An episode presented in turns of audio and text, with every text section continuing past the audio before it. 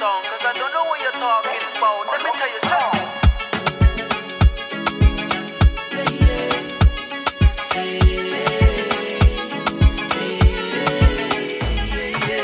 Ja, ja. Welkom bij de tweede aflevering van mijn podcast. Verbinden met Roms. Ik heb een, eh, een hele goede vriend van mij te gast.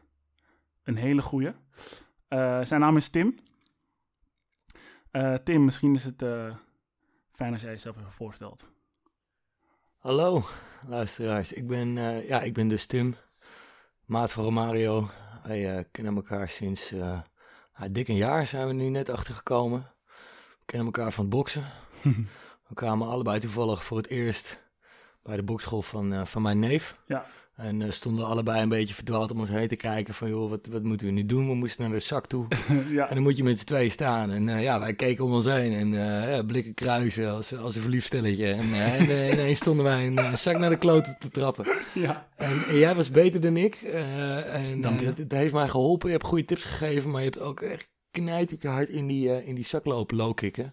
Waardoor mijn schenen de dag daarna wel, nou ja, net niet onder het bloed waren. Oh, dat maar- heb je mij niet verteld. ja, dat heb ik je wel verteld, maar ja, dat heb je, ben je vergeten. Het, Oké, was, het, dat was, kan. het was gezellig die avond, dus ja, dat was leuk. Eh, ja, en sindsdien eh, hebben, we vaak, eh, hebben we vaak gebokst en ook vaak gewoon gechilled, goed Mhm. gepraat. En ja, dit was zo'n ontmoeting waarvan je denkt, oh, relaxe kerel, wissel nummer uit. Die zie ik nooit meer. Maar ja, wel dus. We hebben Ja. heel veel contact gehad. Ja, Ja, ja. en inderdaad, we zien elkaar niet veel. Ehm, eh, maar met jou eh, bereik ik een bepaalde intimiteit dat niet heel vaak voorkomt. Eh, wij kunnen urenlang praten over allerlei verschillende onderwerpen. En er is een prachtige quote van jou, ja, dat mij eigenlijk altijd is bijgebleven. En dat is, ehm, simpele mensen praten over andere mensen. Slimme mensen praten over gebeurtenissen. En genieën praten over ideeën. Die code is niet van mij. Ja. Ik weet ook niet van wie die nu wel was. Ik heb hem ook gewoon ergens van het internet geplukt. Dus ik, ik ben niet die briljante geest die het bedacht heeft. Oké. Maar ik vond, het wel, eh, ik vond het wel treffend. En eh, ik ben ook blij dat je maar mij opdraagt. Ja, dus ik neem nu zeker. de credits wel. En ja. waarom ik dat dan ook wil benoemen, want als ik dan kijk naar eh, ja, onze ontmoetingen die we hebben gehad, eh veelal bij jou thuis, aan tafel, één Ja. op één, met een biertje. Valkenierstraat. Ja, eh, en uiteraard een goede maaltijd. Maar daar hebben wij ons vrij veel bezig gehouden met praten over gebeurtenissen. En als je dan nagaat over hoe ik mij heb ontwikkeld. Dus eh, ja, sowieso bedankt daarvoor. ja, iets gelijks. En natuurlijk hebben we ook gesproken over, over vrouwen en relaties. Maar het was niet... eh, Het zijn ook gebeurtenissen. Snap je? Ja, Ja. ook. Maar het waren niet de main topics. Ehm, ja, dus vandaar dat het mij een goed idee leek om, eh, een goed idee lijkt om vandaag het gesprek op dezelfde manier in te steken. En laten wij het vandaag eens hebben over genocide. Ja, eh, ja dat is, eh, dat is eh, even, even voor de duidelijkheid, dat is mijn, mijn expertiseonderwerp. Ik ben die genocide guy. Zo, zo- ja, zo word ik ook vaak benaderd. En een grappig voorbeeld, er was, misschien hebben jullie dat wel meegekregen, er was laatst een, een man in Namibië met de naam Adolf Hitler. Die is verkozen tot vertegenwoordiger van een bepaalde regio. En ik heb dat bericht echt van, ik denk wel tien verschillende mensen toegestuurd gekregen. Ehm, en een van mijn oude studiegenoten die stuurde me het ook. En eh, die, die vond het eh, erg leuk dat ik blijkbaar de go-to Hitler guy ben. Ja, En eh, ja, ik, ik vind het een, een twijfelachtige eer, maar ik, ik draag hem toch wel met verven. Dus, ehm, Snap ja, ik. Ja. snap ik. Wat, wat is de reden voor jou dat het een beetje twijfelachtig voelt? Nou ja, goed, de, de, de go-to genocide guy is natuurlijk Ja. niet, niet echt een leuke titel. Maar goed, ik heb, ik heb geschiedenis gestudeerd. En ik heb me, in mijn bachelor heb ik me gericht op, eh, eigenlijk op twee onderwerpen. eh, Zuidelijk Afrika en, en eh, totalitaire systemen. Denk daarbij aan Hitler, uiteraard, maar ook aan Stalin. Aan, aan eigenlijk ieder totalitair systeem is een, een, een bestuurs- een politiek systeem, een maatschappelijke inrichting die totaal is in de beheersing van volk, ideeën, ehm, eh, staat, maatschappij, alles. Daarom heet het zo. Mhm. Daar heb ik me op gericht. Ehm, ik heb eh, in mijn bachelorscriptie die twee gecombineerd door te gaan kijken naar eh, de opkomst van fascisme in Zuid-Afrika ehm, in, eh, in de jaren 30 en 40. Uiteindelijk ook hoe zich dat, hoe, hoe ideeën uit die periode zich vertaalden in, eh, in eh, de, de instelling en inrichting van apartheid. Eh, vrij veel overlap, kan ik je vast vertellen, mocht je erin geïnteresseerd zijn. Uh, interessant onderwerp om verder uit te zoeken. Uh, en ik ben na die, uh, na die scriptie ben ik zo aangestoken door het onderwerp en, en door de regio, dat ik de, voor de Master Holocaust en Genocide Studies heb gekozen. Mm um, gegeven aan, uh, aan het NIOD, het Nederlands Instituut voor Oorlogsdocumentatie, Holocaust en Genocide Studies, aan de Keizers Herengracht in Amsterdam. Prachtig pand met een duistere geschiedenis. een, een eer om die studie te mogen doen. Er zijn er niet zoveel die dat mogen. Er zijn ook niet zoveel opleidingen hiervoor. Dat kun je je misschien ook wel voorstellen. Er is gelukkig ook niet zoveel werk in. Dus ik ben daar ook niet in verder gegaan. Maar ik heb in, uh, in twee jaar uh, heel veel geleerd over het concept genocide. Uh, hoe het in elkaar steekt. Wat er wel en niet onder valt. Hoe complex het is. Um, en uiteraard ook hoe ontzettend moeilijk het is om dat, dat te bestuderen. Mm. Um, want het is een onderwerp, en dat kan iedereen zich wel voorstellen, uh, dat je niet in de koude kleren gaat zitten. Uh, een onderwerp waarbij het moeilijk is om afstand van te nemen. En een onderwerp dat je persoonlijk raakt. En wat je toch, als je ermee bezig bent, altijd met je meedraagt. Snap ik. hey, en was het voor jou ook een opgave om ja, de, de juiste bronnen op tafel te krijgen? Nee, nee, eigenlijk niet. Nee, ik had er, toen ik daaraan begon, had ik er al uh, uh, ja, een studie van. Het had eigenlijk drie jaar moeten zijn, maar ik heb er vijf van gemaakt. Om, omdat ik zoveel extra dingen heb gedaan, uiteraard. Niet omdat ik geslekt heb. Hè? Ah, oké, okay. jij ziet het zo kast wel. Nee, nee, nee, helemaal niet zelfs. Nee, helemaal niet zo. Nee, maar als ik jou hoor zeggen dat het een studie is van drie jaar en je hebt er vijf jaar over gedaan. Um, dan weet ik, of dan denk ik alleen maar van oké, okay, het is een studie dat jou heel erg interesseert. Kijk, een studie dat jou heel erg interesseert, ja, dan zou je niet, zou je niet de kantjes vanaf lopen. Nee, maar goed, ik had ook nog wel andere dingen aan mijn hoofd. Ik was okay. ook nog aan het ontwikkelen. En, ja. uh, ik had nog wat, wat verkeerde gewoontes toen de tijd. Dus ja, uh, dit, dit is, dat, dat kost ook tijd. Maar ja. goed, ik heb, er, uh, ik, ja, ik heb er wel wat over, over wel een tijdje over gedaan. Maar goed, in die, in die jaren heb ik, in de jaren van mijn bachelor, heb ik wel geleerd wat gedegen bronnenonderzoek is. Dus mm. toen ik aan mijn master begon, wist ik wel waar ik moest zoeken, hoe ik moest zoeken en wat, mm -hmm. wat, wat waarheid eigenlijk is. Mm -hmm. um, maar dat is, dat is heel belangrijk bij goed historisch onderzoek.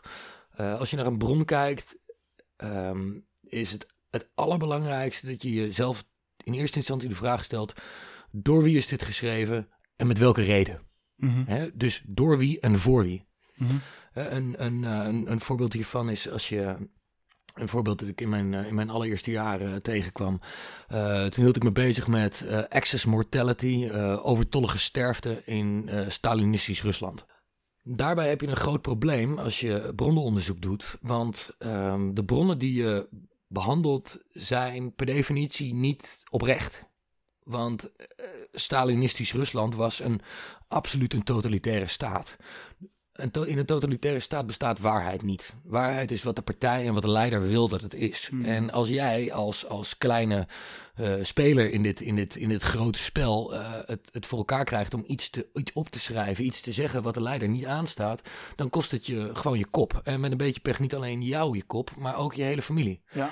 Dus um, een, een, een uh, bestuurslid ergens op het platteland gaat niet de waarheid opschrijven. Die nee. gaat opschrijven wat hij, wat hij denkt dat opgeschreven moet worden. Moet worden, want het heeft anders invloed op zijn eigen, op zijn eigen leven. Precies. Uiteraard. Precies. Okay. Dus als je het archiefmateriaal bekijkt, dan weet je dat dat archiefmateriaal niet klopt. Het, ja. is niet, het zijn geen normale statistie statistieken. Het, zijn geen, het is geen normale data. Ja. Dus uh, dat is waarom gedegen bronnenonderzoek zo enerzijds zo moeilijk is. Ja. Uh, en waarom je zo goed op moet letten. Je ziet dat nu in, in deze tijd. Uh, wij nemen dit op in, in coronatijd eind 2020, dit helse jaar, uh, zie je nu ook dat er zijn een heleboel mensen die in allerlei rare complottheorieën geloven. En dat komt omdat zij geen gedegen bronnenonderzoek doen. Mm.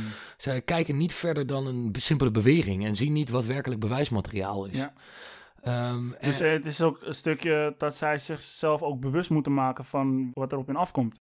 Nou ja, dat, dat, dat, is, dat is hen nooit geleerd. Dat wordt ons nooit geleerd. Ik, ik heb dat in mijn studie gelukkig geleerd. Ik heb het voorrecht gehad om dat te mogen leren. Ja. Maar dit is niet vanzelfsprekend. Nee. Uh, we, zijn er, we zijn er toch aan gewend dat als iets ons wordt gebracht via het medium van televisie, uh, YouTube is daar gewoon voor het gevoel een verlengde van, maar ook kranten. Uh, uh, voor sommige mensen is dat Facebook. Ja. Dat als het geschreven staat of een autoriteitspersoon het zegt, dat dat dan waar is. En dat, Ja. dat hoeft dus helemaal niet zo te zijn.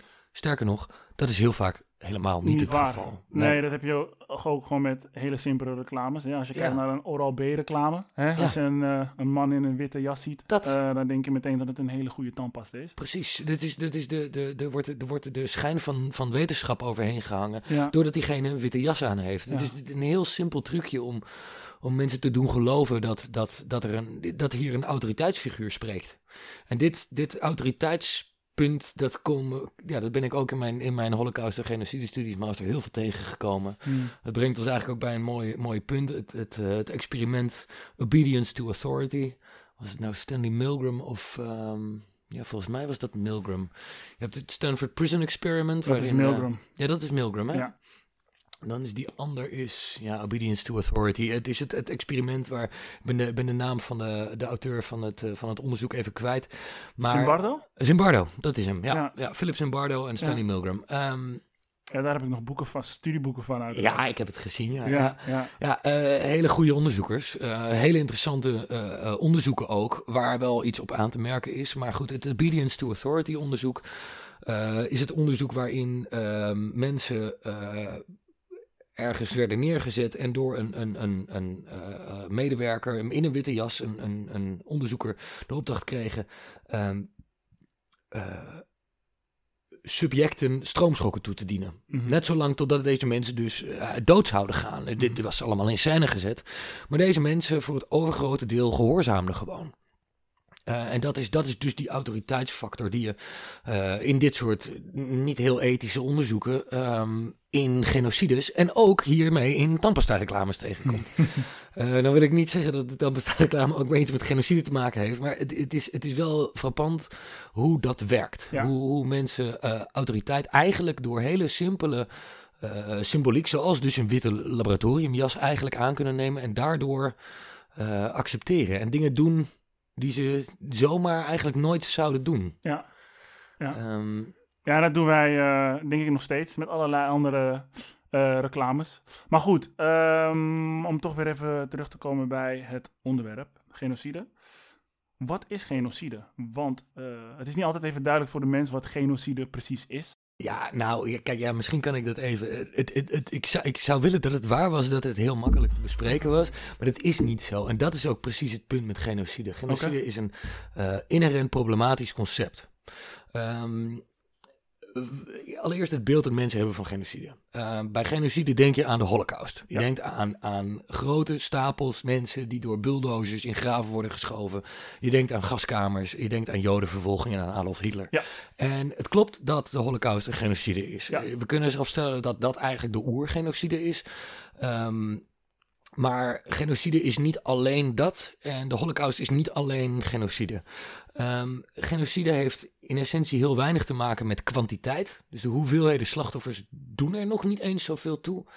Um, en dat is, dat, is, dat is eigenlijk stap 1. Mm-hmm. Uh, waar men de fout in gaat. Um, ik ga even beginnen met het oplezen van, een, van artikel 2 van de, van de Genocide Convention, de Convention on the Prevention and Punishment of the Crime of Genocide, Verenigde Naties Conventie uit 1948. Mhm. Artikel 2 is.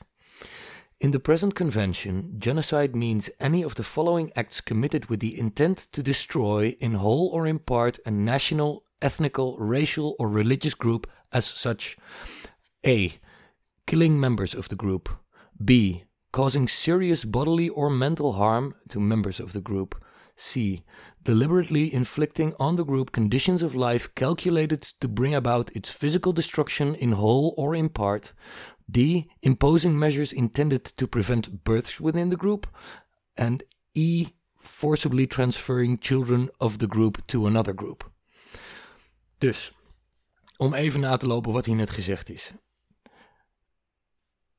Intent to destroy in whole or in part. Dus het gaat hier allereerst om de intentie om dit te doen. Op het moment dat, dat er dus een grote groep omkomt door omstandigheden die niet de bedoeling waren, valt dat technisch gezien niet, niet onder. onder genocide. Dus massamoord, die bijvoorbeeld het gevolg is van uh, uh, honger of oorlog, is niet direct genocide. Dat allereerst, want de intentie is er namelijk niet. Mm-hmm. Eh, dit, is, dit moet je eigenlijk zien als het verschil tussen moord en doodslag. Ja, precies. Moord De- met de voorbedachte intentie- raden, ja. dat is intentie hier. En Helder. voor genocide geldt dat dus ook. Helder. Dan hebben we to destroy in whole or in part. Dus gedeeltelijk of helemaal. Op het moment dat je, je hoeft dus niet die hele groep kapot te willen maken om een genocide te plegen. Mhm. Je kunt 100% van de Joden dood willen maken, dan is het genocide. Maar als je er 50% dood wil maken en je hebt daar de intentie toe, dan is het wel weer, dan is het ook genocide. Mhm. Dus het hoeft niet de hele groep te zijn. Destroy betekent natuurlijk ook weer iets anders. Of kan natuurlijk meerdere dingen betekenen, maar daar komen we zo op.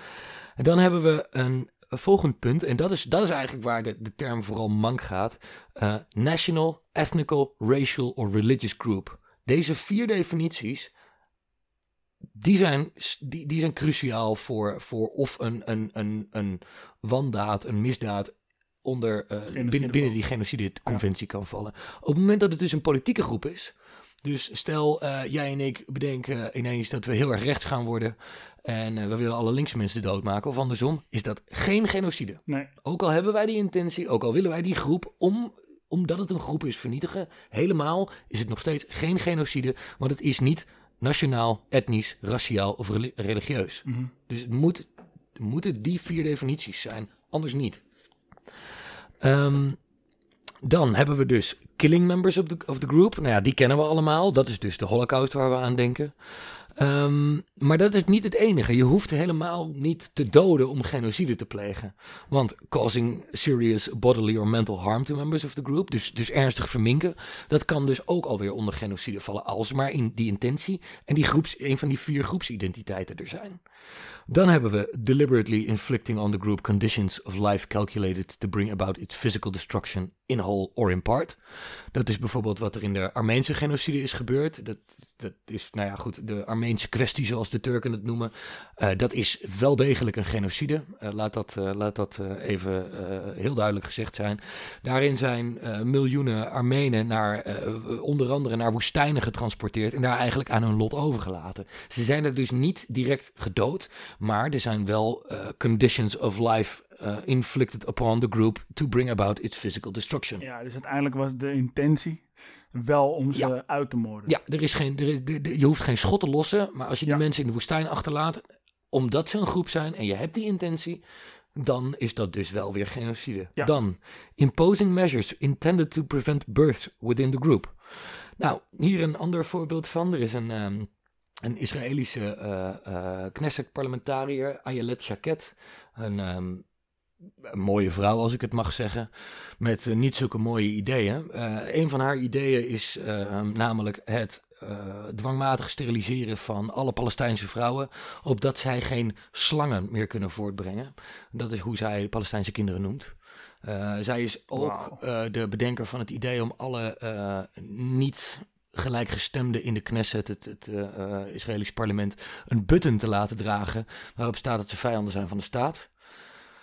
Ja, en dat dan- heeft weer zijn consequenties. nou ja, dat heeft zeker consequenties. En ik vind het ook wel vreemd dat een Israëlische parlementariër bedenkt dat je een button moet dragen waarop staat dat je vijand bent van de staat. Dat doet mij toch wel behoorlijk denken aan een bepaalde zeshoekige gele ster die Joden vroeger moesten dragen. Mm. Om daarmee eigenlijk aan te duiden dat zij vijanden waren van de staat. Mm. Dus, dus eh, ik vind het nogal een zieke, zieke ideeën die hij heeft. Maar ehm, het, dus het, het, het dwangmatig steriliseren van alle Palestijnse vrouwen, dat valt dus weer onder genocide. En zij heeft dit plan uitgesproken. Dus als dat gebeurt, dan is die intentie al duidelijk. Dat valt dus wel weer onder genocide. Bijzonder dat het ook gewoon zo wordt uitgesproken. Dat, is, dat, wel, is, eh, dat is wel schokkend, ja. Ja. Ja, dat is wel schokkend. Nou moet ik wel, wel eh, de kanttekening hierbij is wel dat zij echt wel een radicaal is. hmm. Eh, dus, dus ik wil niet zeggen dat dit een mainstream gedachte is in de Israëlische politiek.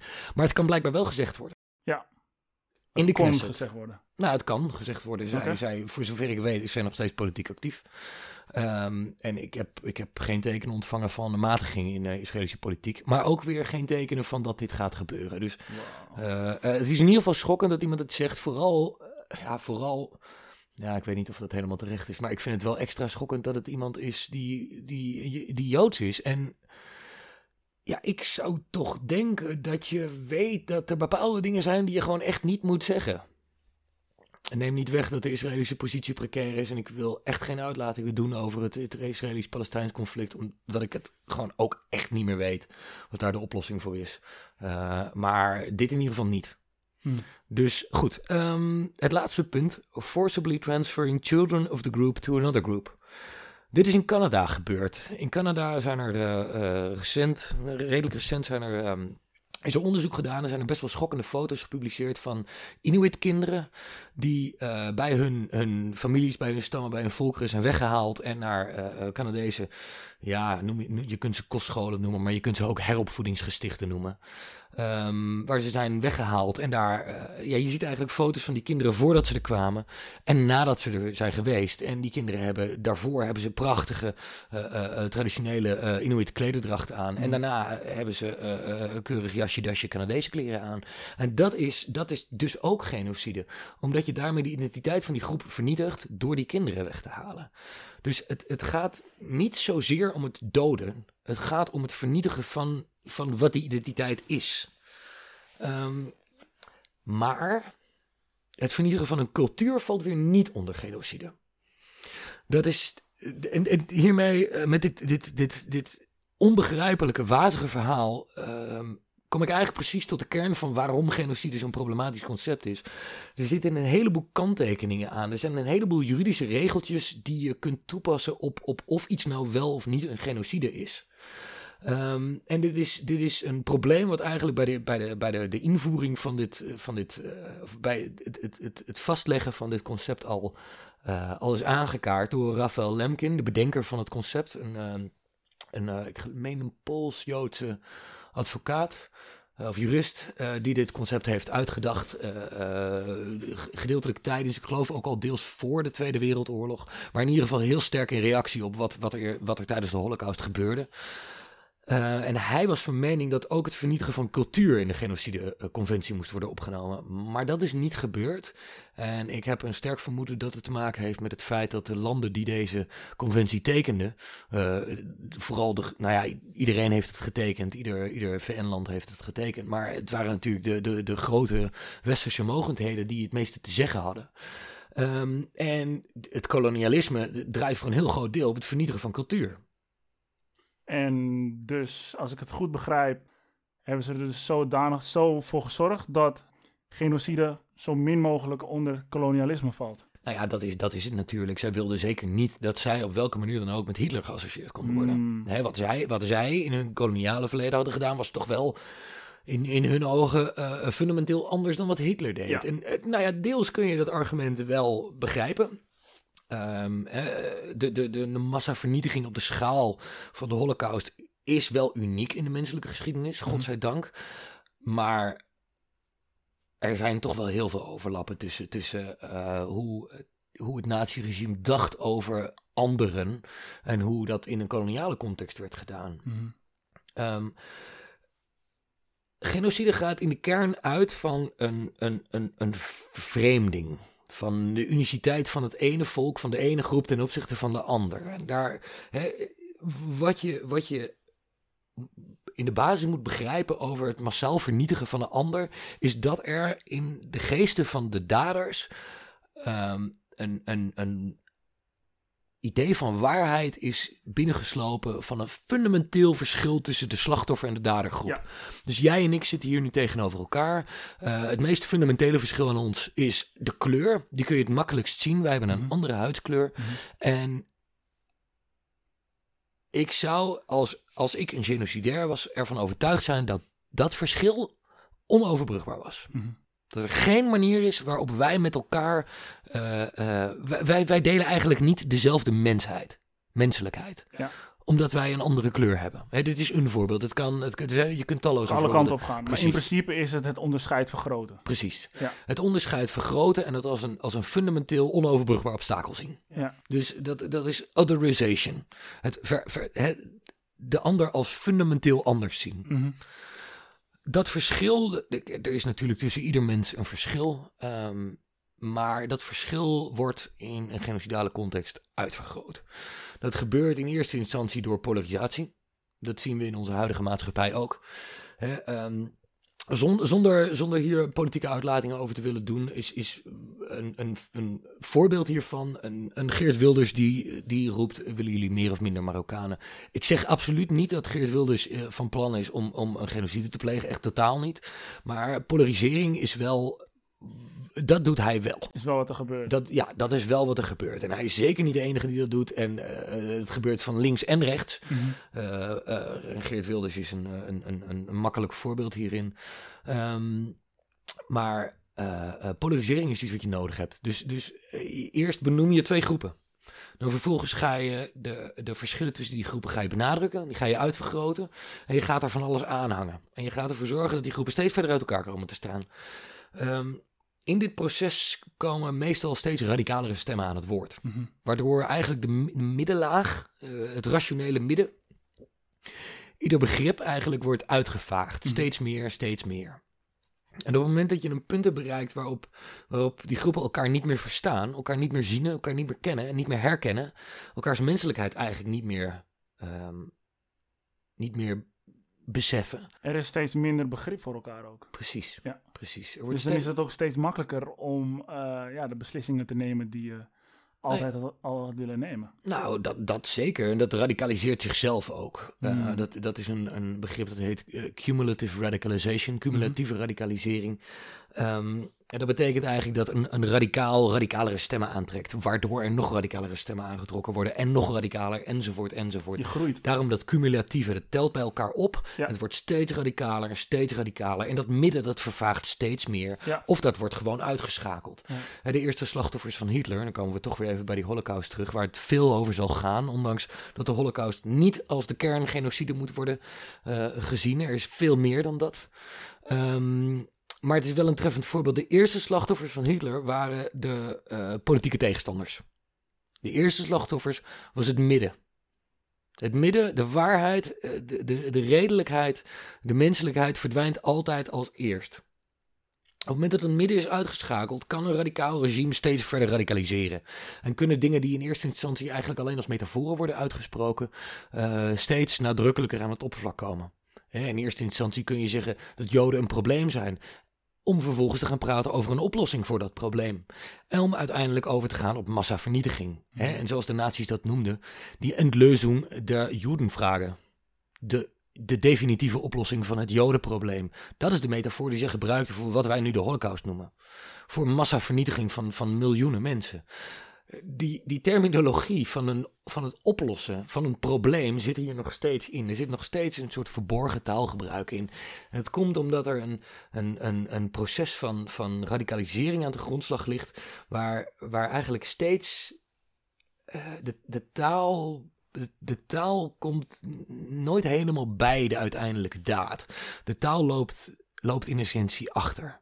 Eh, men begint te begrijpen wat ze eigenlijk bedoelen met bepaalde woorden. Die woorden waren er al, maar de oplossingen worden steeds, of de oplossingen, de, de daden, de, de, de intenties worden steeds nadrukkelijker zichtbaar. Goed, ik sla even wat stappen over. Ehm, want op het moment dat je dus die polarisering hebt, dan, ehm, dan verstaan mensen elkaar niet meer. Dan worden die twee groepen worden bij elkaar, worden uit elkaar gedreven en eigenlijk iedereen moet gedwongen door het politieke klimaat een kamp kiezen. En ik moet dan nu, in de context van ons, moet ik de kamp van het witte klimaat, of ik, ik moet de kant van, van, van het witte kamp kiezen.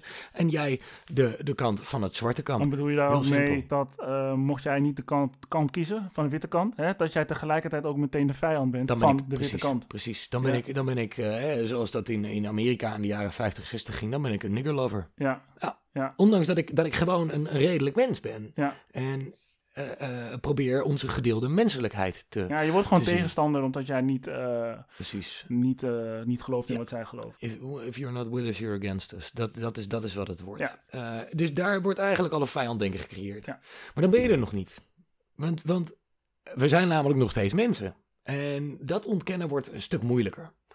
En daarvoor heb je heel iets anders nodig. En dat is eh, dehumanisering. Daar, daar, is, daar begint het. En die dehumanisering gaat gepaard met angst. Op het moment dat, dat die andere groep als fundamenteel anders wordt gezien, worden ook de, de, de, de daden van die groep continu in een slecht daglicht geplaatst. Mhm. die, kunnen, die daden kunnen daadwerkelijk gebeurd zijn. Het kunnen ook complete leugens zijn en alles wat ertussenin zit. Mhm. Ehm, Het wordt gewoon opgeblazen. ja, alles wordt opgeblazen. Mhm. Kijk, eh, we, kunnen, we kunnen bijvoorbeeld hè, op het moment dat, dat, dat, dat ik wil gaan betogen dat, dat, eh, dat de, de niet-witte Nederlander een probleem is, dan moet ik zeggen dat de misdaadcijfers laten zien dat, dat niet-witte Nederlanders oververtegenwoordigd zijn in de misdaad. Ja. Nou goed, die cijfers laten dat inderdaad zien. Dus, dus ik kan die heel makkelijk gebruiken om mijn punt te maken. Wat die cijfers niet laten zien is wat de oorzaak daarvan is. Mhm. Economische, sociale achterstelling, eh, opleidingsniveau van, van ouders, eh talenachterstanden, eh eh, Ja, zodra, je, zodra je de achtergrond meeneemt, dan maak je eigenlijk weer die verbinding. Terwijl je juist die verbinding eh, los wilt maken. Precies, je gaat nuanceren, je gaat begrip tonen voor Mhm. elkaar en je probeert een dialoog te vinden. Ja. Maar dat wil je niet. Nee. Dat wil je niet als je van plan bent om mensen uit elkaar te drijven. Ja. Dus ehm, op het moment dat je puur, de, je, je, je manipuleert eigenlijk de statistieken en de cijfers en de, de, de, de, de, de boodschappen die je kunt vinden Mhm. om jouw punt kracht bij te zetten. Mhm. En daarmee kun jij eh, in toenemende mate gaan zeggen: zie je wel, zij zijn slecht, zij zijn de vijand. Kijk Ja. maar hier naar, hier naar, hier naar en hier naar. Eh, dit is wat ze allemaal doen. En je gaat dat gebruiken om angst te zaaien uiteindelijk. Hè, wat je bijvoorbeeld kunt doen is dat eh, je begint met misdaad. Maar misdaad is één ding. Ik bedoel, dat er bij je ingebroken wordt is kut. Ik heb het, ik heb het meegemaakt, dat, dat weet je, een jaar geleden. Maar dat, dat, is, dat is één ding. Maar op het moment dat het gaat over verkrachting of, of, of beroving of moord, met name verkrachting, omdat dat bij de, de alfaman heel goed werkt. hè. De kwetsbare vrouw wordt lastiggevallen door, door een boze buitenlandse groep. Eh, we, moeten, we moeten haar beschermen door hen aan te pakken. Op het moment dat, dat, dat de personen in jouw omgeving die jij als kwetsbaar ziet, worden aangevallen door een groep die jij al als dader ziet, dan, dan legitimeert dat radicale actie tegen die groep. Maar Ehm, in principe zou je dus moeten kijken hoe je polarisatie tegen zou kunnen gaan. Dat zou je zeker, ja, dat, Ja, hoe je dat zou kan zeker moeten- Nou ja, dat, dat is in principe ook helemaal niet zo moeilijk. Ehm, nou ja, oh, Is het niet maar- zo moeilijk? Nou ja, ook kijk, weet je, eh, eh, ja en nee. Het is natuurlijk moeilijk om, om radicale stemmen eh, de mond te snoeren. Het is ook een vraag of je dat moet willen. Mhm. Want, want we leven toch in een maatschappij waar vrijheid van meningsuiting heel hoog staat. Ja. Daar ben ik het ook mee eens. Ehm, dat neemt niet weg dat sommigen daar misbruik van maken. Ik, eh, ik, wil geen namen noemen, maar ik noem toch de naam van Thierry Baudet. Want dat is er toch, dat is toch eentje die, eh, naar mijn mening, het, het hele concept van, van vrijheid van meningsuiting eh, heel erg verdraait en misbruikt voor eigen doeleinden. Ehm, maar ik ben niet voor hem de mond snoeren. Ik vind het een gevaarlijk eng naar mannetje. Maar ja, goed, hij heeft, ook, hij heeft het ook gewoon het recht om dingen te zeggen die mij niet aanstaan. Mhm. Eh, helaas. Nou ja, of niet. Nee, het is ook maar goed eigenlijk. Ehm, maar als je die, ja, die polarisering wegnemen, is, is, is gewoon, dat is een kwestie, dat is een taak voor het midden. Daarom moeten wij met elkaar in dialoog blijven. Ja, maar het is al jaren een taak voor het midden geweest. En dat wordt al heel snel, eh, die worden nog steeds weggevaagd. Nou, dat weet ik niet. Zoals je het aan hebt gegeven. Ja, maar- het, het, maar- het midden, ehm, ja, die staat voor de waarheid. Nou, het staat, staat voor, ja, nou ja, het midden, ja, ja, de waarheid ligt in Mhm. het midden. Ja. Mhm. Maar de radicalen, ja, die... eh, Radicalen zijn altijd sterk. Ra- radi- radicalen zijn, zijn als zwaartekracht. Het trekt je naar beneden. hmm. Altijd. Daarom moeten radicalen niet te veel een podium krijgen. Als Mm. iemand zegt dat, dat radicalen soms nodig zijn om dingen te veranderen, vind ik dat altijd een, slechte, een, een heel slecht argument. Radicalen hebben nooit iets ten goede veranderd. Nee, omdat de Nooit. gevolgen gewoon verschrikkelijk zijn. Absoluut. Radicalen radicaliseren zichzelf en anderen. En, en, en eh, radicalen denken in vijanden. Hmm. En als je denkt in vijanden, dan zul je die vijanden altijd vinden, waar dan ook. Of dat nou de Joden zijn, of de intelligentsia, of, of de, de, de kapitalisten, of de, eh, de, de, de communisten. Het maakt niet uit. Je kunt een vijand vinden als je die zoekt. Hmm. En als jij als, als leider ehm, je, eigen, je eigen tekortkomingen wil verbloemen door alles op die vijand af te schuiven, dan zul je die vijand ge- gewoon vinden omdat je hem nodig hebt. Eh, we, we zien dat, we zien dat ook nu heel sterk. Eh, Trump doet dat heel erg. En Bolsonaro doet dat heel erg. Maar ook Wilders en Baudet doen dat. Zij pretenderen de waarheid in pacht te hebben, maar hebben dat eigenlijk helemaal niet. Zij kunnen alleen maar, zij kunnen alleen maar zeggen wat er niet goed is. Met werkelijk idee over hoe het beter kan voor ons allemaal, komen ze gewoon niet. niet. Nee, er, zit heel weinig, er zit heel weinig opbouw in. Er zit eigenlijk alleen maar afbraak in hun, in hun, in hun denken, in hun doen, in hun bewoordingen ook. Eh, het, het is een hele negatieve boodschap eigenlijk. Hmm. En dat is, dat is iets wat je in... in Ben je, ben je bang dat het werkt? nou ja, dat ligt eraan. Het- Want het heeft, het heeft gewerkt. Oh, in het zeker- verleden? nee, het heeft zeker gewerkt. Het heeft zeker gewerkt. Kijk, ehm, op het moment dat je wat te vrezen hebt, op het moment dat je wat tekort komt, ben je altijd bereid, ben je meer bereid om naar dit soort mensen te luisteren. Luisteren. Kijk, ja, maar we leven natuurlijk ook wel in een tijd waarbij mensen een hele hoop te vrezen hebben. Ehm, en als ik jou dat zo hoor vertellen. Je vertelt het heel mooi trouwens. Maar dan kan ik me alleen maar meer voorstellen dat er steeds meer mensen zullen zijn die ehm, ja, met die radicalen zullen meebewegen. nou ja, dat hangt van een aantal dingen af. Kijk, allereerst, eh, allereerst is, is, is ik, het belangrijkste is dat, dat, dat je gewoon tevreden hebt. Dat is het belangrijkste. Mhm. Geef het volk brood en spelen. Dit wisten de Romeinen al. Op het moment dat je tevreden hebt en dat je een beetje vermaak hebt, is het eigenlijk wel oké. Dan heb je die vijand niet per se nodig. Nee, dat is, dat is in de kern het belangrijkste. Ja. Maar goed, ehm, zodra er in jouw leven veel meer andere dingen belangrijk zijn gaan worden, hè, dan wil je zo ver mogelijk vandaan, van die kern eh, vandaan blijven. Nou ja, kijk. Extreem geweld, extreme conflicten eh, eh, vinden vrijwel alleen plaats in situaties waarin er eh, extreme ongelijkheid, armoede en sociale instabiliteit is. Ja. Op het moment dat ik genoeg heb om, om een tevreden leven te leiden, hoef ik niet boos te zijn op mijn buurman.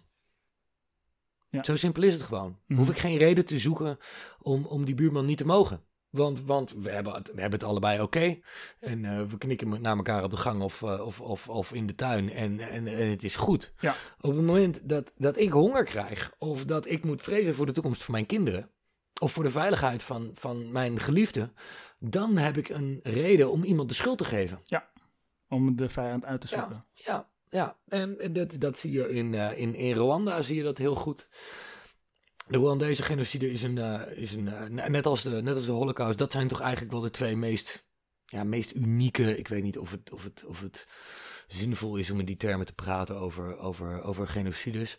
Eh, maar deze twee laten wel iets bijzonders zien. Ehm, de Holocaust door het planmatige.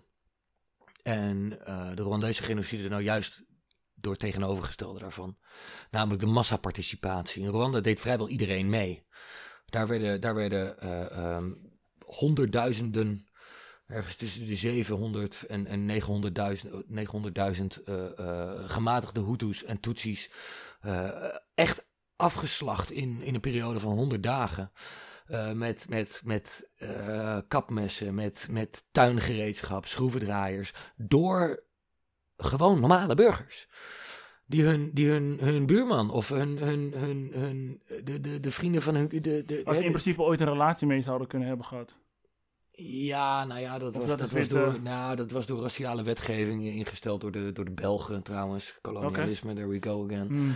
Eh, was, dat, was dat al wel heel moeilijk. Er stond namelijk in Rwanda stond op je identiteitskaart tot welke groep je behoorde. Tot welke raciale groep. Nou ja, dat was eigenlijk helemaal geen raciale groep. Het is ook weer een complex verhaal. Maar de, de, de verschillen tussen die twee groepen waren eh, eh, bureaucratisch vastgelegd.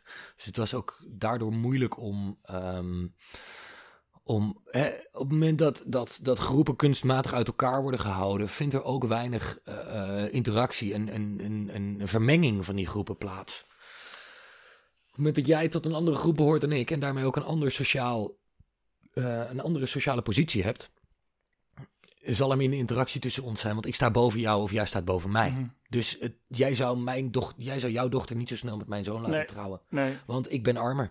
ja, net als het kassensysteem. Dat, dat is dat. Ja. Ja. zo, moet je dat zo moet je dat zien, inderdaad. Een- Hey, en denk je dat deze ehm, eh, radicale leiders ehm, geen empathie hebben?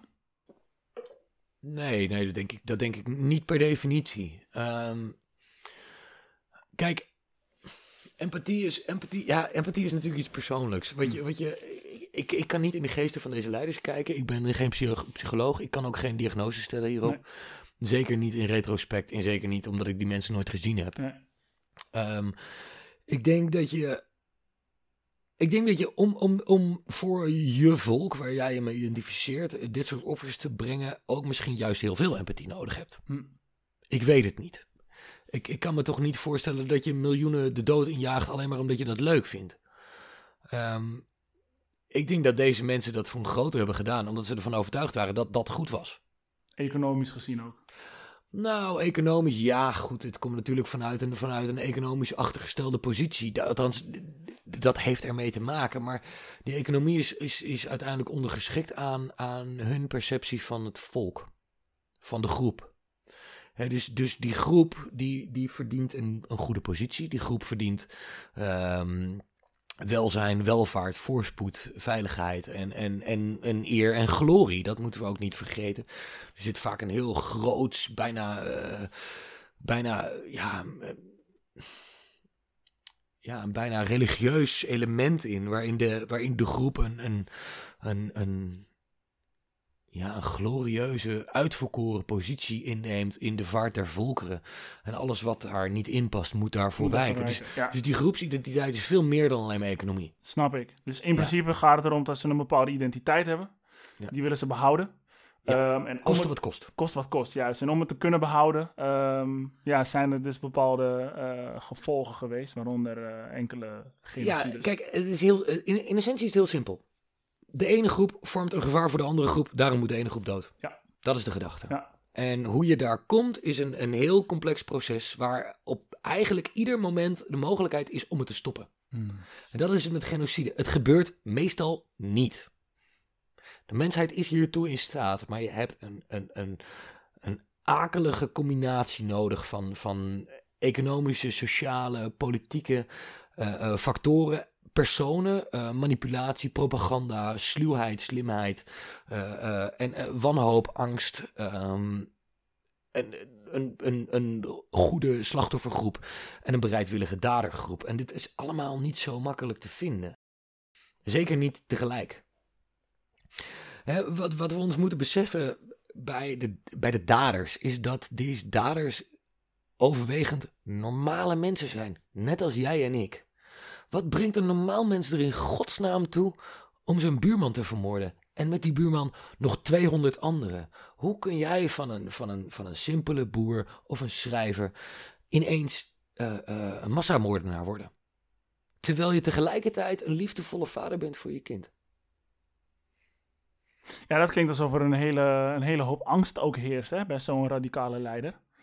Angst voor zijn eigen lijfbehoud. Inderdaad, wat ik net ook zei, angst voor zijn eigen identiteit. En, Ja, maar dat is dan de leider. Hè? Maar de leider is niet degene die de trekker overhaalt. De leider doodt niet, of doodt weinig.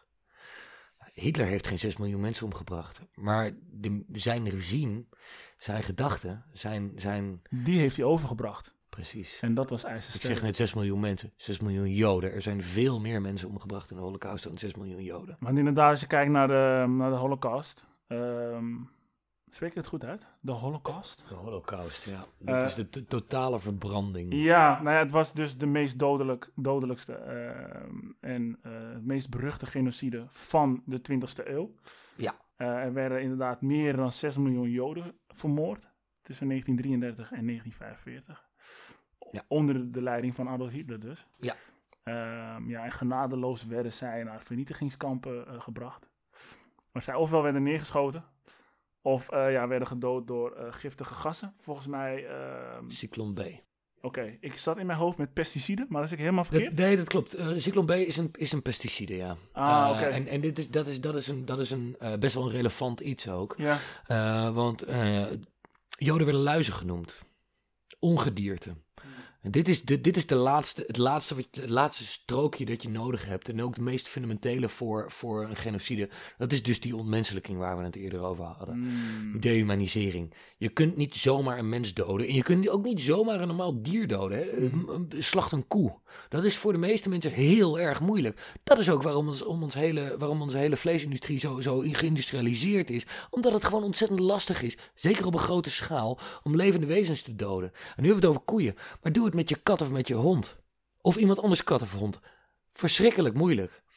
Maar doe het met een kakkerlak. Of met een luis. Of met een rat. Daar kan het wel mee. dat in principe allemaal gewoon hetzelfde is. Nou ja, het zijn levende wezens, maar wij noemen dat ongedierte.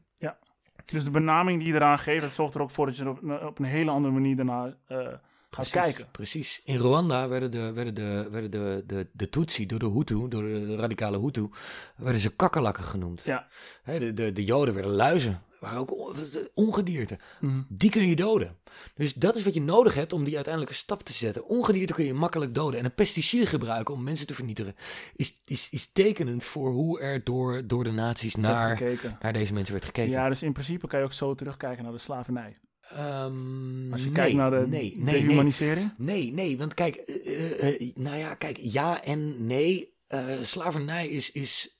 Dit is ook weer een ding met genocide. Genocide is geen waardeoordeel. Mhm. Er is, geen, er is, er is qua, qua immoraliteit en vernietigende kracht en, en, en, en dodelijkheid niet per se een verschil tussen de holocaust of de slavernij. Mhm. Maar slavernij had een functie. Slavernij is uitbuiting van mensen voor, voor, voor economisch gewin. Mm. Dat deze mensen nauwelijks werden gezien als mensen, dat is evident. Dat, dat is ook wat het economisch systeem toeliet. Maar er was een reden om hen in leven te houden. Er was een, leven, een reden om hen helemaal naar Afrika, of helemaal naar, naar de Amerika's te transporteren Ja. uit Afrika. Ja. Dat is een fundamenteel Er werd verschil. gebruik van gemaakt. Er werd gebruik van gemaakt. Ja. Het was een economisch systeem. Hoe barbaars dat is, dat is evident. Ja. Eh, eh, dus dus, dus dit, is, dit is nogmaals geen Ik wil me toch even verbeteren. Er werd gebruik eh, gemaakt van de mensen. Ja. Dat ik het zelf ook overbreng alsof het een product is. Nou ja, Maar dat is hoe er, dat, maar dat is hoe er werd gedacht. Ja. Kijk, en het, er is een verschil tussen, tussen of je mensen ziet als een product wat je kunt exploiteren, Mhm. of een, een, een, een ongedierte vorm die je moet uitroeien. En Ja. dat is een cruciaal verschil in, in, in, in denken en ook in, in, in, nou ja, goed, in de juridische context van genocide. Mhm.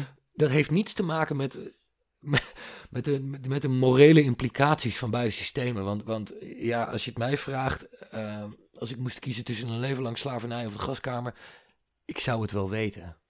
Ik zou, ik zou voor Auschwitz kiezen. Dus, en dat, dat, is, dat is een, nou ja, goed, een beetje een vreemde zin om te zeggen misschien. Maar wat je, je, hoort het, je hoort het vaak, de, de, de vraag of, hè, of de slavernij, genocide, holocaust, die worden vaak in een, in een soort, in één verhaal genoemd. En ik denk dat dat eigenlijk een, een, een, een misstap is, omdat het geen recht doet aan beide. Mhm. Je hebt namelijk geen genocide nodig om iets barbaars te maken. En we hoeven die twee niet met elkaar te vergelijken. En dat is wat wel vaak gebeurt. Dat deed jij net niet hoor, maar, Nee, ik, ik, ik maar het hoor gebeurt wel vaak. Ik hoor je. En daarom is het ook heel goed dat je dit zo, eh, zo helder verklaart. Hey, maar je hebt hier... eh, ehm, je weet hier alles van. Je hebt hier veel onderzoek naar gedaan. Ehm, nou, als we het dan hebben over de radicale leiders. eh, de top drie radicale leiders. Dan heb ik het over een Adolf Hitler. Een Pol Pot eh, van Cambodja. Ehm, ik heb het over een Stalin. Kan jij enigszins begrip hebben voor hun gedachtegang? Nou, eh, voor, voordat ik die vraag beantwoord, wil ik jou even een vraag terugstellen. Ehm, waarom zijn Stalin en Pol Pot niet per definitie genocidairs? Waarom is wat zij hebben gedaan, Stalin is twijfelachtig, maar Pol Pot in ieder geval niet, waarom is dat geen genocide? Ik kan er geen antwoord op geven, maar zover ik weet heeft ehm, eh, Stalin eh, ja, mensen laten uithongeren. Holodomor, hunger by design. Ja. ja. en ehm, eh, ja, dus het vermoorden inmiddels, het vermoorden inmiddels uithongeren. Ik weet het niet, misschien kan jij die voor mij beantwoorden. Pol Pot heeft zijn eigen bevolking vernietigd. Ja. Eh, mensen waarvan hij dacht dat het intellectuelen waren. Eh, iemand met een bril was dat dus al. Hè? Op het moment dat je een bril droeg, dan was je blijkbaar een intellectueel. Ik, ik weet niet hoe dom je werkelijk moet zijn om dat te denken, maar hij dacht dat. Ehm, Stalin. Ik moet wel zeggen dat het ook wel een beetje is, eh, dat wij ook wel een beetje zo zijn geïndoctrineerd hè, met de tijd. ja. Als je kijkt naar de school, naar de schooldagen van onszelf. Weet je, iemand met een bril die werd al gauw gezien als een nerd, als een jongen die in de, in de schoolboeken zat. Ja, maar Eh, wij waren ook wel heel dom toen we op school zaten. Hè? Ja, dat is Ja. ook zo. Dat is ook zo. Ja. Nou ja, goed, kijk, eh, eh, eh, het, punt natuurlijk is, ehm Pol Pot vernietigde een groep niet, en dit is dus het probleem met genocide, de groep die hij vernietigde was niet etnisch, religieus, raciaal of nationaal. Mhm. Het was zijn eigen bevolking die om, om, om eh, eh, karaktereigenschappen of politieke ideeën werd vernietigd. Dit valt dus niet onder de genocideconventie en is dus technisch gezien geen genocide. Mhm. Er, zijn, er zijn miljoenen mensen gedood, eh, op de killing fields, doodgewerkt en, en doodgemarteld en vermoord. op afschuwelijke wijze, maar het is geen genocide, omdat het simpelweg niet aan de juridische definitie voldoet. Mhm. Dit is dus het probleem. Dit staat op Google. Ja, Dat, dat, nou ja, dat staat dus Dit, op Google. dit, is, dit is makkelijk bereikbaar voor, eh, Ja. voor een gewone burger die geen idee heeft van wat genocide is. Precies, en dit is dus het ding. Genocide is een concept dat heel weinig mensen begrijpen, omdat het zo complex, onvolledig en inherent problematisch is. Het, er klopt een heleboel niet aan, Hm. maar je kunt het ook niet zomaar gaan veranderen, want er is echt maar één heilig huisje over in de hele wereld en dat is de term genocide. Ja. Daar kun je niet mee gaan slingeren en dat is ook hoe het vaak gebruikt wordt als een krachtterm, want mensen slingeren er wel degelijk mee en er komt altijd een shockreactie op, omdat het je meteen doet denken aan de holocaust. En dat is ook waarom de term heel vaak misbruikt wordt. Hè, een, een, een voorbeeld hiervan. Er is vorig jaar een rechtszaak geweest eh, in aanloop naar de intocht van Sinterklaas in Apeldoorn. Daar is een man geweest, een eh, man uit Amsterdam, die ehm, mijn oude buurman blijkt te zijn. Serieus. Die heeft eh, Hier in Amsterdam ook. hier in Amsterdam, mijn huis waar we vaak Ja, ja. hebben zitten chillen. Ehm, die heeft een stichting opgericht, de Stichting Uitbanning Genocide. Nou, dat klinkt heel, ja, heel, oké.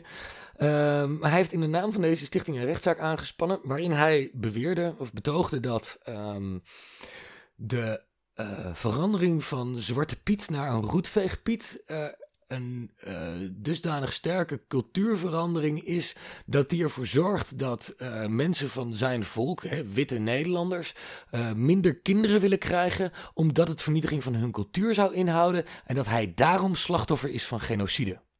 Oh, wauw. Ja, nou, eh, dit is een. Ik vind het wel heel mooi verwoord, moet ik zeggen. Het, het, het is, nou, ik, ik, ik, ik moet mezelf echt, ik, ja, mijn, mijn, mijn, mijn hersenen doen echt pijn als ik dit zeg, maar ehm, eh, de- deze zin is zo, zo compleet mismaakt. Je hebt, je hebt het, het concept zo ver uit zijn verband getrokken als je werkelijk wil betogen dat je slachtoffer bent van genocide om, om de verandering van Zwarte Piet naar Roetveegpiet. Serieus? Ik bedoel, ik, ik, ik, moet, ik vraag me echt af wat die rechter heeft gedacht toen hij dit betogen hoorde. Hmm. Ik, ik kan me toch niet voorstellen dat hier... Nou, ik denk dat het als rechter heel moeilijk is om een strak gezicht te houden als iemand dit tegen je zegt. En ligt er nou wat voor rechter je bent? Ja, waarschijnlijk een hele goeie. Ik denk als rechter kun je ook vrij serieus blijven doen. Ja. Eh, maar dit moet Ja, en ook wel- bewust zijn van het feit dat dit een gedachtegang is of eh, iets in, in het hoofd is van die persoon. En dat je ook alleen maar kan begrijpen dat, eh, dat er een reden is waarom die persoon zo denkt. Ehm, dus ja, je kan, naar mijn idee kan je inderdaad gewoon heel serieus blijven. Eh, Ja, nou, het zou me heel veel moeite kosten. dat snap waar. ik. Nou, vooral omdat die gast ook eh, een paar weken terug ehm, de muurschildering bij eh, de Black Archives heeft besmeurd. En dat, is niet, dat vind ik niet heel sympathiek. Zacht gezegd. Goed, genocide is dus een term die heel vaak verkeerd wordt geïnterpreteerd. En, en deze kerel doet dat wel, doet het wel buitengewoon eh, goed. Ehm, maar ehm, ja, je, je, vroeg, je vroeg naar de, de, de, de geest van die leiders. Of ik dat kan begrijpen. Of ik erin kan komen wat ze Ja, gedaan. en heb je überhaupt ook ehm, ehm, ja, onderzoek daarna gedaan van oké, wat is de reden eh, hier allemaal achter geweest? Nou, eh, in de kern, je hebt het over leiders, maar ik vind de leiders persoonlijk helemaal niet zo interessant. Die, die, die, die, die praten groot. Het, het zijn juist, juist de, de, de, de kleine en de tussenmannen. Het zijn de mannen die de trekker overhalen. Grotendeels mannen. Eh, vrouwen zijn er overigens ook bij betrokken. En als die erbij betrokken zijn, zijn die minstens even vreed als de mannen. Ze zijn vaak seksueler. En ze pakken vooral vrouwen nog harder aan. Hmm. Dus eh, als we hier een, eh, een kleine gender side note bij kunnen maken. ehm, het merendeel van de daders zijn mannen. Maar de vrouwen die er zijn, hebben, hebben, ja, hebben van zich laten horen. Zeker. Ehm, het gaat mij eigenlijk vooral om de, de, de, de, de midden- en de kleine man. De mensen die het echt daadwerkelijk doen. Kan ik hem begrijpen? Waar die drijfveer vandaan komt. Snap ik heel goed. Ja. Ja, snap ik heel erg goed. Dat is ook het punt. Ja, Ehm, Vooral niet goed te praten, maar Nee, nee, maar, nou, maar, nee, maar het- kijk, goed praten en begrijpen zijn, zijn twee fundamenteel verschillende dingen die Ja. in de context van genocide heel moeilijk te begrijpen zijn, maar ook cruciaal zijn als je, eh, als je de materie wil snappen en op, op waarde wil schatten en ook recht wil doen aan wat er is gebeurd. Want wat je moet beseffen is dat het normale mensen zijn die abnormale dingen doen in hele abnormale tijden. Dingen die ze zelf nooit hadden gedacht dat ze zouden doen en ook vaak in retrospect niet begrijpen. En dat komt omdat zij zijn gebrainwashed door, door leiders, door, door hele slimme, hele goede, subtiele propaganda. Echt onderschat, onderschat de propaganda niet. Onderschat niet wat, wat, wat, wat tien jaar bombardementen met subtiele haatboodschappen met je doen. Het is- het is- er wordt niet ineens gezegd, alle joden zijn onze vijanden, we moeten ze nu doodmaken. Ja, het is, eh, Het- is, begint het is er langzaam ingemasseerd. Ja, het begint met ze zijn onbetrouwbaar en ze Ja. zijn rijk en ze zitten in Hollywood en ze Ja. besturen de banken. En nou ja, je, misschien dat iemand nu denkt, oh, George Soros, ja, dat soort shit, ja. Ja. Dat, dat is wat er, nou je hoort dat nu ook weer. Eh, complotten zijn er heel belangrijk in. Hè? Eh, misdaden of immorele daden van één of twee of een paar mensen die heel erg worden uitvergroot, steeds terug blijven komen. En het wordt over de hele groep uitgespreid. En je krijgt er een steeds subtielere hekel aan. Als je dit wil zien, als je wil weten hoe dit werkt, dan kan ik je aanraden om de film Jut Süß te kijken. Eh, een, een, eh, een eh, Duitse nazi-propagandafilm van Leni Riefenstahl, geloof ik. Ik weet vrijwel zeker dat het van haar is. Waarin een, een Joodse, het is gewoon een speelfilm, een oud verhaal al, waarin een Joodse man ehm, gewoon echt een bedrieger is. En je krijgt, naarmate je die film kijkt, echt een bloedhekel aan die man. Ik heb zelf ook ervaren hoe dat is. Het is zo'n nare kerel. En je, je, iedereen ziet het in eerste instantie niet, maar jij als kijker wel. Mm. Dus je, krijgt, je voelt echt haat in je opkomen. Daar is het voor gemaakt. Dat is haatpropaganda. Als dat tien jaar ingemasseerd wordt, dan kun je op een gegeven moment met genoeg haat, met genoeg angst, onder extreme omstandigheden, waarin je misschien ook moet vrezen voor je eigen leven. Want als ik de trekker niet overhaal en deze vrouw en haar kind doodschiet, wat gebeurt er dan met mij? Ja. Wat gebeurt er dan met mijn vrouw en mijn kind? Wat vindt de groep van mij als ik nee zeg?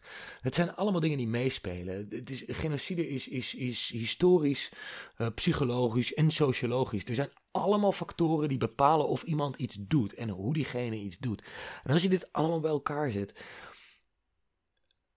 in een situatie waarin jij jezelf, waarin je eigenlijk gedwongen wordt om jezelf de vraag te stellen: moet ik kiezen tussen hen of tussen mij en de mijne? Dan kies je voor jezelf en voor de jouwe. Je Mhm. kiest voor je vrouw en voor je kinderen. Je kiest voor, voor je familie en degene die je lief hebt. En, en als daar iemand tegenover je staat waarvan jij door, door tien jaar indoctrinatie zeker weet dat het de vijand is, dan dood jij die vijand. Dan dood jij die kakkerlak en dan dood jij die rat. Dat is waar we over praten met genocide. Dit zijn geen mensen.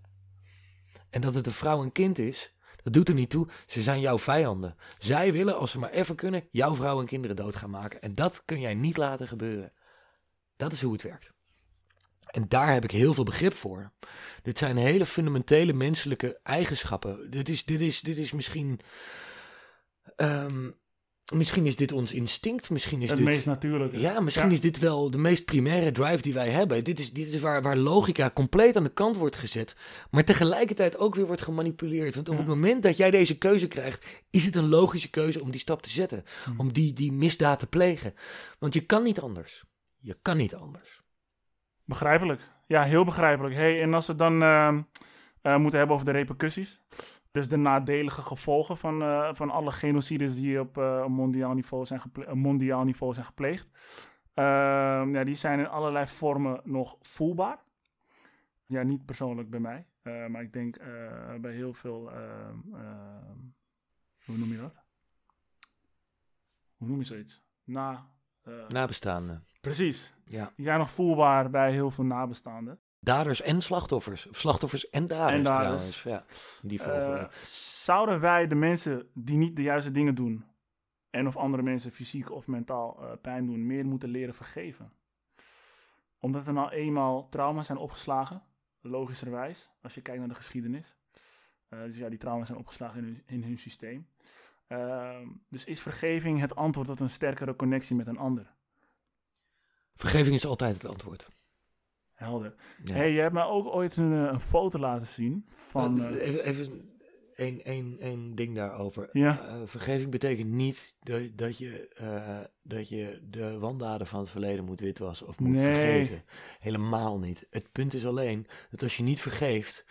An eye for an eye leaves everyone blind. Dat Hmm. is het. We kunnen niet doorgaan met haat. Als je, als je, de, de, de, als je de daders haat, kun je hun menselijkheid ook gaan ontkennen. Kun je zelf ook een dader worden. Het, is de, het allermoeilijkste wat er is, is om de mensen die afschuwelijke, onmenselijke dingen hebben gedaan, om die te vergeven en hun menselijkheid weer te zien. hmm, De, de Truth and Reconciliation Commission in, in Zuid-Afrika, ehm, met daarin de sterren Desmond Tutu en, en eh, Nelson Mandela eh, hebben we laten zien hoe belangrijk dat is. Je, je kunt niet verder gaan als je niet vergeeft.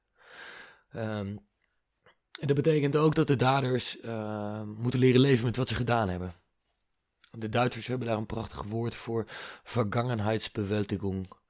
Wat eigenlijk neerkomt op eh, het, het onder ogen komen, bestuderen en leren leven met het verleden. Hoe pijnlijk dat ook mogen zijn. Het ondergaan van dat verleden. Dat is wat de daders moeten doen. En wij, omstanders, slachtoffers, ehm, medestanders van de slachtoffers, moeten, moeten leren de daders vergeven en ook hun menselijkheid zien. Anders komen we nergens. Dat heb je heel mooi Hoe moeilijk gezegd. dat ook is. Ja. Het is dat is echt heel moeilijk. hey, die foto ehm, eh, die jij mij hebt laten zien, Ja. eh, was van eh, de Duitse kanselier Ja, Willy Brandt. Ja. Willy Brandt. Ja. Ik vond het een, een hele mooie foto. En ja, kijk, het is dan ook nog maar geloven of je het daadwerkelijk meent. Ehm, maar goed, Hij meende dat. hij- ja, dat denk ik dus ook. Eh, maar dat vond ik een prachtige foto. Maar tegelijkertijd kan ik me ook wel voorstellen dat het best wel lastig is om, eh, om toe te geven. Want het heeft ook consequenties. Voor jou en misschien ook voor jouw kinderen, voor je familieleden, voor, jou, voor de mensen in jouw eh, directe omgeving. Maar hij heeft het wel gedaan. Ja. Ja, Willy Brandt was de Duitse kanselier. In, ik, ik meen dat het 1970 was. Ehm, was hij op bezoek in Warschau. Ik geloof dat hij de eerste eh, Duitse, eh, de, de eerste hoge Duitse vertegenwoordiger was. Die daar eh, op een vriendschappelijke manier kwam. En hij, hij eh, ehm, of het eerste grote staatsbezoek in, in Warschau. Ik, ik weet niet, er was iets symbolisch, iets, iets belangrijks aan dat moment. Ehm, en hij ging in Warschau naar een monument voor, voor wat daar gebeurd was. Ik geloof dat dat ging om de, de, de, de, eh, de opstand in het ghetto van, eh, van Warschau. Dat, extreem bruut is neergeslagen. Een van de grootste slagpartijen van de Tweede Wereldoorlog. Ehm, en hij viel daar op zijn knieën. Hij ging daar voor dat monument zitten, op zijn knieën, ehm, in, een, in een poging, in- mijn optiek echt een succesvolle poging om eh, spijt en medeleven te betuigen aan de slachtoffers en, en v- v- vergiffenis te vragen aan, aan hen, aan de nabestaanden, aan de toeschouwers. En ehm, boete te doen, daar in persoon, voor wat, wat, wat de, de Duitse generatie voor hem eh, eh, deze, deze onschuldige mensen had aangedaan. En ehm, dat is een heel bijzonder moment. Ja, dat vond ik ook. Echt. Ik vond het een hele mooie, want ehm, Ja, de Warschauer knieval, of de knieval van Warschau is... eh, mooi. Ik ben zeker ook van mening dat je ehm, eh, intern ook wordt gestraft. Hè? Dus met intern bedoel ik eh, mentaal. absoluut. Je, je, je Absoluut. moet ermee leven. Ja. Eh, maar vind je dat zulke mensen extern ook nog gestraft moeten worden? Nou, dat gebeurt ook. Kijk, het, het, heeft, het heeft met een genocide... Een genocide is per, per definitie een groepsmisdaad. Mhm. Door een groep tegen een groep. Mhm. En niet één, één persoon kan dat niet doen. Als Nee. één persoon het doet, is het een massamoordenaar. Genocide is een groepsmisdaad. Ja. Het heeft geen zin om de hele groep te bestraffen. Allereerst kan dat niet. En twee, hoe ga je dat logistiek in godsnaam uitvoeren? In, in, in Duitsland bijvoorbeeld, waar die, die nazi-partij... Kijk, Duitsland was een totalitaire staat. Zo totalitair als maar kan. Alles en iedereen had ergens een, een, een verbintenis met de staat. Ehm, een heel groot deel van de Duitsers in de, in de jaren 50 had iets te maken gehad met de nazi-partij. Had ergens misschien wel iets gedaan wat, wat, wat, eh, waardoor zij betrokken waren bij de holocaust. Je Ja. kunt die mensen niet allemaal straffen, dan hou je gewoon geen maatschappij meer over. Nee. Ehm, dat, is, dat is gewoon heel moeilijk. Eh, ehm, dus, dus ja, eh, het is, het is makkelijker in een genocidale context om duizend mensen te vermoorden en ermee weg te komen, dan in een normale context om één mens te vermoorden. Je wordt makkelijker opgepakt voor één moord dan voor duizend moorden. Dat, dat is, dat is Ja. een realiteit waar je gewoon niet omheen kunt. Laten we eens kijken in het geval van eh, eh, Willy Brandt. Ja. Zou je hem als persoon ehm, extern eh, willen straffen? Eh, ik, ik, ik meen dat Willy Brandt een verzets, verzetstrijder was. Ik weet niet meer precies hoe dat zat. Daar is Hmm. mijn, daar is mijn geheugen heeft me hier, laat me hier even in de steek. Maar nee, maar goed, los, Ehm, los hij hoeft daar niet extern voor gestraft te worden. Nee, nee, Nee, zeker, zeker niet. Zeker niet. Nee, er zijn, er, zijn, eh, er zijn genoeg Duitsers gestraft. Ehm, er zijn genoeg Duitsers niet gestraft. Ehm, Maar zo iemand als Willy Brandt heeft er alles aan gedaan om, om, om, te om de wonden van het, uit het verleden te helen. Hmm. Eh, daar kun je iemand zeker voor. Je kunt iemand straffen voor wat het collectief heeft gedaan, maar dat heeft geen zin. Nee. Het heeft geen zin om, om een individu na te dragen wat een groep waar diegene niets mee te maken had, heeft gedaan. Eh, dat is ook weer een stuk vergeving. Je kunt hem zien als een Duitser. Je kunt hem zien als een verlengstuk van die nazi-partij. Maar die nazi-partij was niet wat Duitsland is. Hoe, hoe- ja, dat wilden ze wel zelf zo laten lijken, maar dat, dat is het niet. Mensen als Willy Brandt zijn juist nodig om, eh, eh, om, om dat helingsproces in te zetten. Ehm, ook al zijn zij Duitser. Ook al had hij misschien, dat heeft hij dus niet, voor zover ik weet, maar ook al had hij misschien wel een natieverleden. Op het moment dat hij boete doet, op het moment dat hij daar op zijn knieën valt, op het moment dat hij daar ehm, oprecht om, om, om vergiffenis en, en, en, en eh, eh, ehm, Dat is voelbaar, denk ik ook. Hè? nou, dat denk ik wel, ja. Ja, nou ja, als ik naar die foto kijk, ik kan iedereen aanraden om dat op te zoeken. Eh, Willy Brandt, Warschau, knieval. Ehm, dit, is niet, dit, is geen, dit is geen spektakel, ondanks dat je, dat je volgens mij wel honderden persfotografen en journalisten eromheen ziet. Dit is, dit is iemand die, hij had het niet hoeven doen.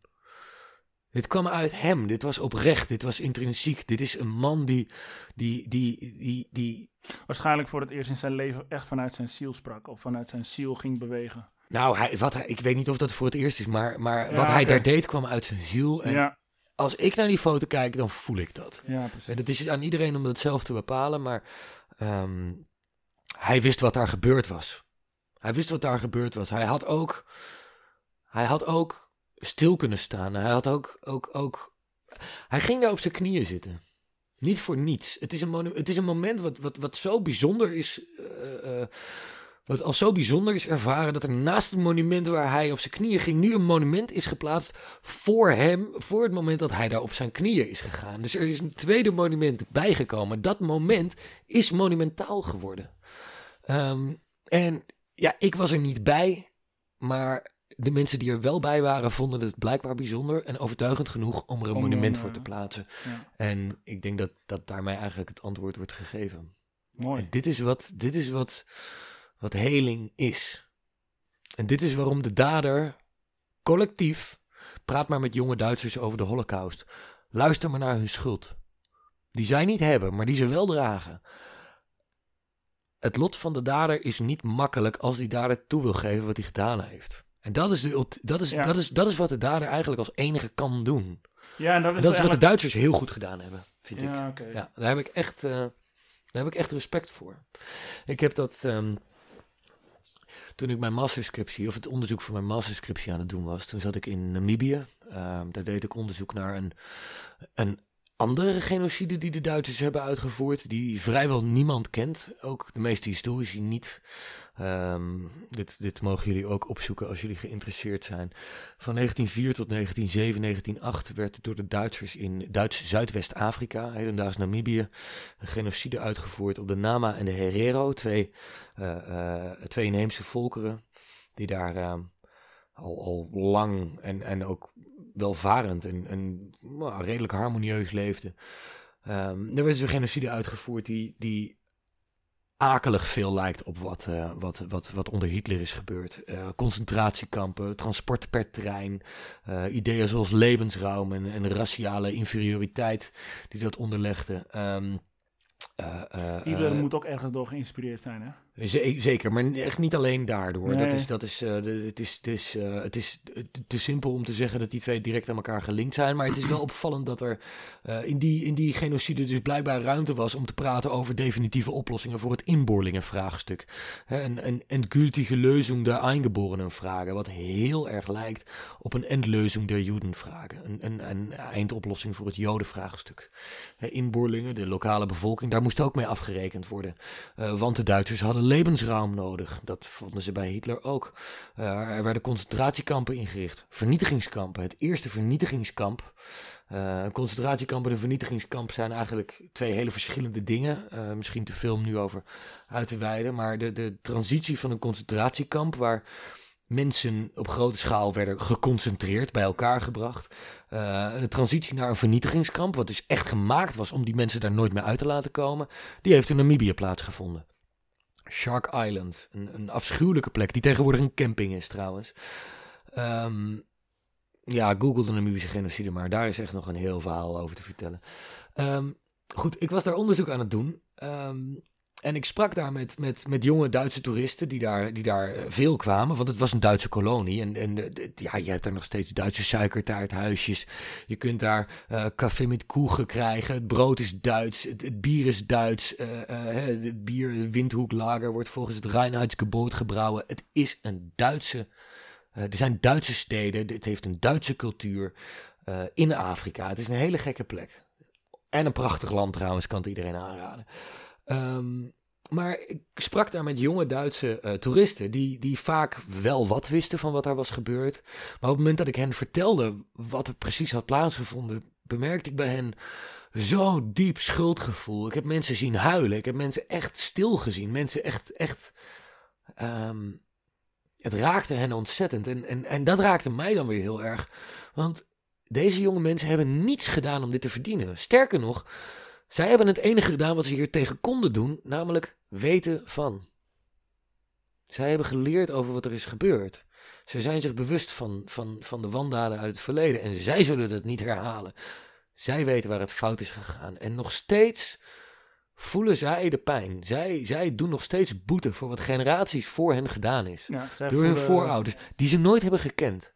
Ja, En- dus het is ook voel, voelbaar bij hun. Ja, en dit is het lot van de dader. Van de generaties daarna. En daarom maken die daders nog veel meer slachtoffers dan hun initiële slachtoffers. Ook hun nabestaanden zijn slachtoffer. En dat is waarom genocide zo'n afschuwelijk ding is. En dat is misschien ook wat je eerder vroeg. ehm, of die sporen lang nablijven. En wat, wat er de, de, de lange termijn gevolgen van zijn. Dit zijn lange termijn gevolgen. En Voor beide partijen. voor beide partijen. Er zijn ook, er zijn ook volkeren, situaties, mensen die, waarbij het niet is gebeurd. Hè. Japan is daar een goed voorbeeld van. Die hebben afschuwelijke, de Japanners hebben afschuwelijke dingen gedaan in uh, in China. Echt. Of de comfort women, de, Zuid-Koreaanse seksslavinnen. Zo afschuwelijk dat ik, dat ik er echt misselijk van werd. En ik ben wat gewend. Oh, nou, dit, die verhalen ga ik niet vertellen. Dat is, dat is gewoon morbide om dat nu te vertellen. Als je het wil weten, moet je het maar opzoeken. Nee, en dan stappen we ook eerlijk gezegd een beetje uit het onderwerp van Ja, vandaag. precies. Ehm, Ehm, het was vrij intens. Ja, ja. En er is nog veel meer over te Er vertellen. is heel veel meer. Ik Ja. denk dat het ook zeker niet ehm, onze laatste aflevering zal zijn samen. Sowieso never nooit onze laatste ontmoeting. Nee, nee, nee, nee, nee. Zodra nee, mijn. Achillespees eh weer wat beter is, gaan we ook gewoon weer, eh, Gaan we weer eh, boksen, fysiek aan de slag. Ja. Ehm, nee, maar het was een vrij ehm, intens onderwerp. Ik hoop dat we met dit onderwerp het woord genocide ehm, wat beter belicht hebben. Dat het wat duidelijker is wat het woord genocide daadwerkelijk betekent. En wat het niet betekent. En wat het uiteraard niet betekent. Dat. Ja, dat vind ik een hele goeie. Ja, het is ehm, het belangrijkste misschien om mee te geven in de context van, van, van het onderwerp van vanavond is dat het altijd belangrijk is om naar elkaar te blijven luisteren. En nooit te vergeten dat we allemaal mensen zijn. Als je elkaars menselijkheid niet uit het oog verliest, kan jij geen massamoordenaar worden. Mooi. Dan wil ik ermee afsluiten. Ik bedank je voor je tijd, Tim. Jou ook, jongen. Nu richting Deventer. Dit was de tweede aflevering van Verbinden met Roms. Het was intens, het was leerzaam en ik hoop vooral dat het een bepaalde bewustwording heeft gecreëerd bij jullie luisteraars. Vond je het een fijne aflevering, dan zou ik het zeker delen. En je kan mij zeker volgen op Instagram onder de naam roms-fj. Tot volgende week.